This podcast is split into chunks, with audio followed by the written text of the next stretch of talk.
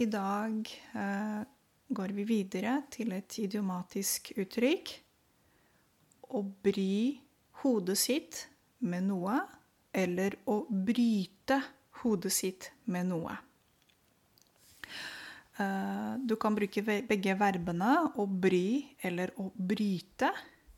Og det betyr å prøve å um, spekulere og tenke mye og intenst og gruble over noe som er ekstra vanskelig. Så man tenker og tenker og tenker og prøver å finne en løsning. Eller man prøver å huske noe som man har glemt, f.eks. Så man eh, bruker dette uttrykket når det er noe intenst. Okay? Ja, ofte til å fikse noe. ofte til å finne ja, en løsning, rett og slett. Så vi har disse to verbene å bry og å bryte.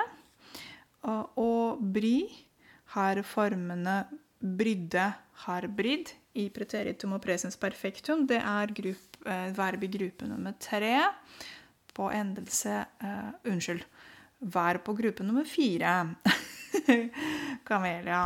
Ok. Som slutter på endelse DDE. ikke sant? Vi husker at gruppe nummer fire eller gruppe fire er uh, gruppe med svake eller um, regelmessige verb som ikke slutter på vokal E i infinitiv. Så det heter å bry, altså vokal Y. Så har vi preteritum brydde, har brydd. Og så har vi å bryte. Det er et uregelmessig verb, et sterkt verb som har egne former. Og bryte, brøt, har brutt. B-r-u-t-t.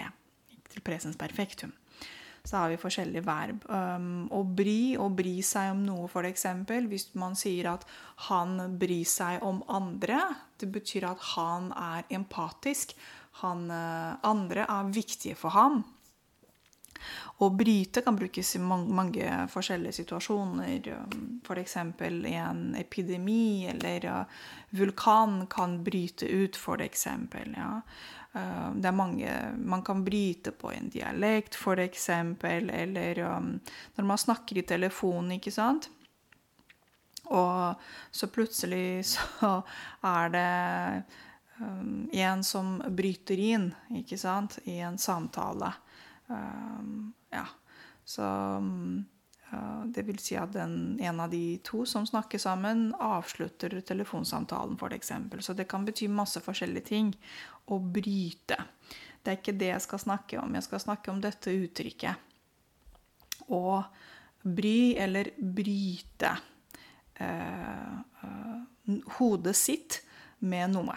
Eh, pass på riktig pronomen her. Jeg bryr hodet mitt med noe.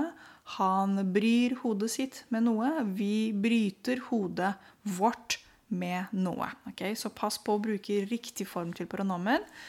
Du kan bruke begge verbene, som sagt. Og til de som er veldig glad til å få eh, uttrykk på engelsk, eller oversettelse på engelsk, eh, så kan jeg fortelle dere at dette uttrykket på norsk heter 'to rack one's brains' på engelsk. Så det er eh, litt lettere kanskje for noen av dere å følge med.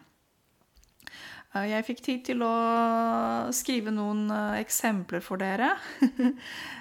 For eksempel Jeg har aldri brutt hodet mitt med dette spørsmålet. Det betyr at jeg har alltid tenkt og tenkt intenst å finne noen svar på dette spørsmålet. Eller um, han har forgjeves brutt hodet sitt med å løse opp denne oppgaven. Så han har forsøkt og mm, gjort alt mulig for å, finne, for å løse en oppgave, men det gikk ikke uh, helt bra. Det, det gikk ikke bra til slutt. Eksempel nummer tre. Eh, ikke bry det fine hodet ditt med denne saken, fordi de som kjenner saken, karakteriserer den som komplisert.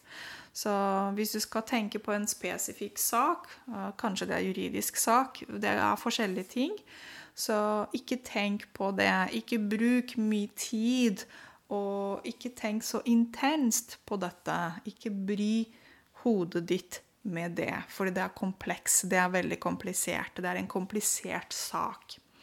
Og siste eksempelet, nummer fire ja.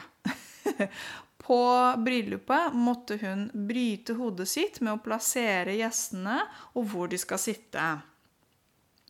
Så hvis vi snakker om bryllup, ikke sant Det er noe som er veldig viktig for de som gifter seg. Og hvis vi har en um, Kanskje bryllupsarrangør eller noen som er ansvarlig med å plassere gjestene um, um, forskjellige steder, så der er veldig vanskelig. så man kan si at hun um, hadde det veldig vanskelig. Hun klarte ikke å fine svar på hvor uh, og hvem, hvor de skal sitte. det er veldig vanskelig, ikke sant, syns jeg, da. Uh, det er mange, mange eksempler man kan uh, bruke når man har dette uttrykket, når, når man vil bruke uttrykket og bry hodet sitt med noe. Takk for i dag, dere. Vi høres i morgen igjen.